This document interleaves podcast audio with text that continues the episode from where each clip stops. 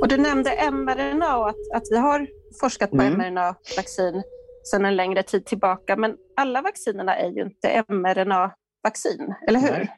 Ganska olika mekanismer om jag förstått det rätt?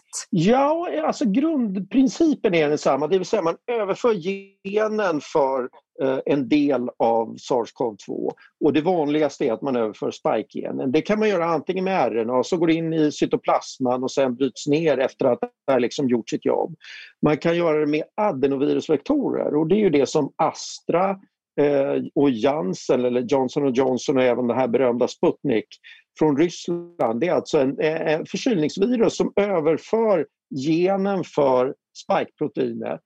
Eh, och det, då överför den i form av DNA därför att det här är ett DNA-virus. Eh, men även det liksom bryts ner, det, det byggs inte in i vår arvsmassa.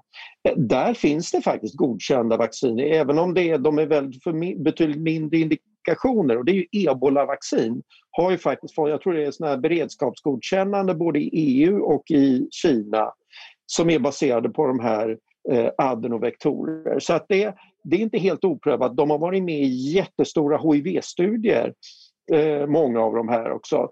Så att eh, jag skulle säga att det, visst, det, det är beprövade teknologier på om man tittar globalt sett men det, vi, vi, vet ganska mycket om dem och det, än så länge finns det liksom inga varningssignaler eh, rörande någon av teknologierna egentligen tycker jag.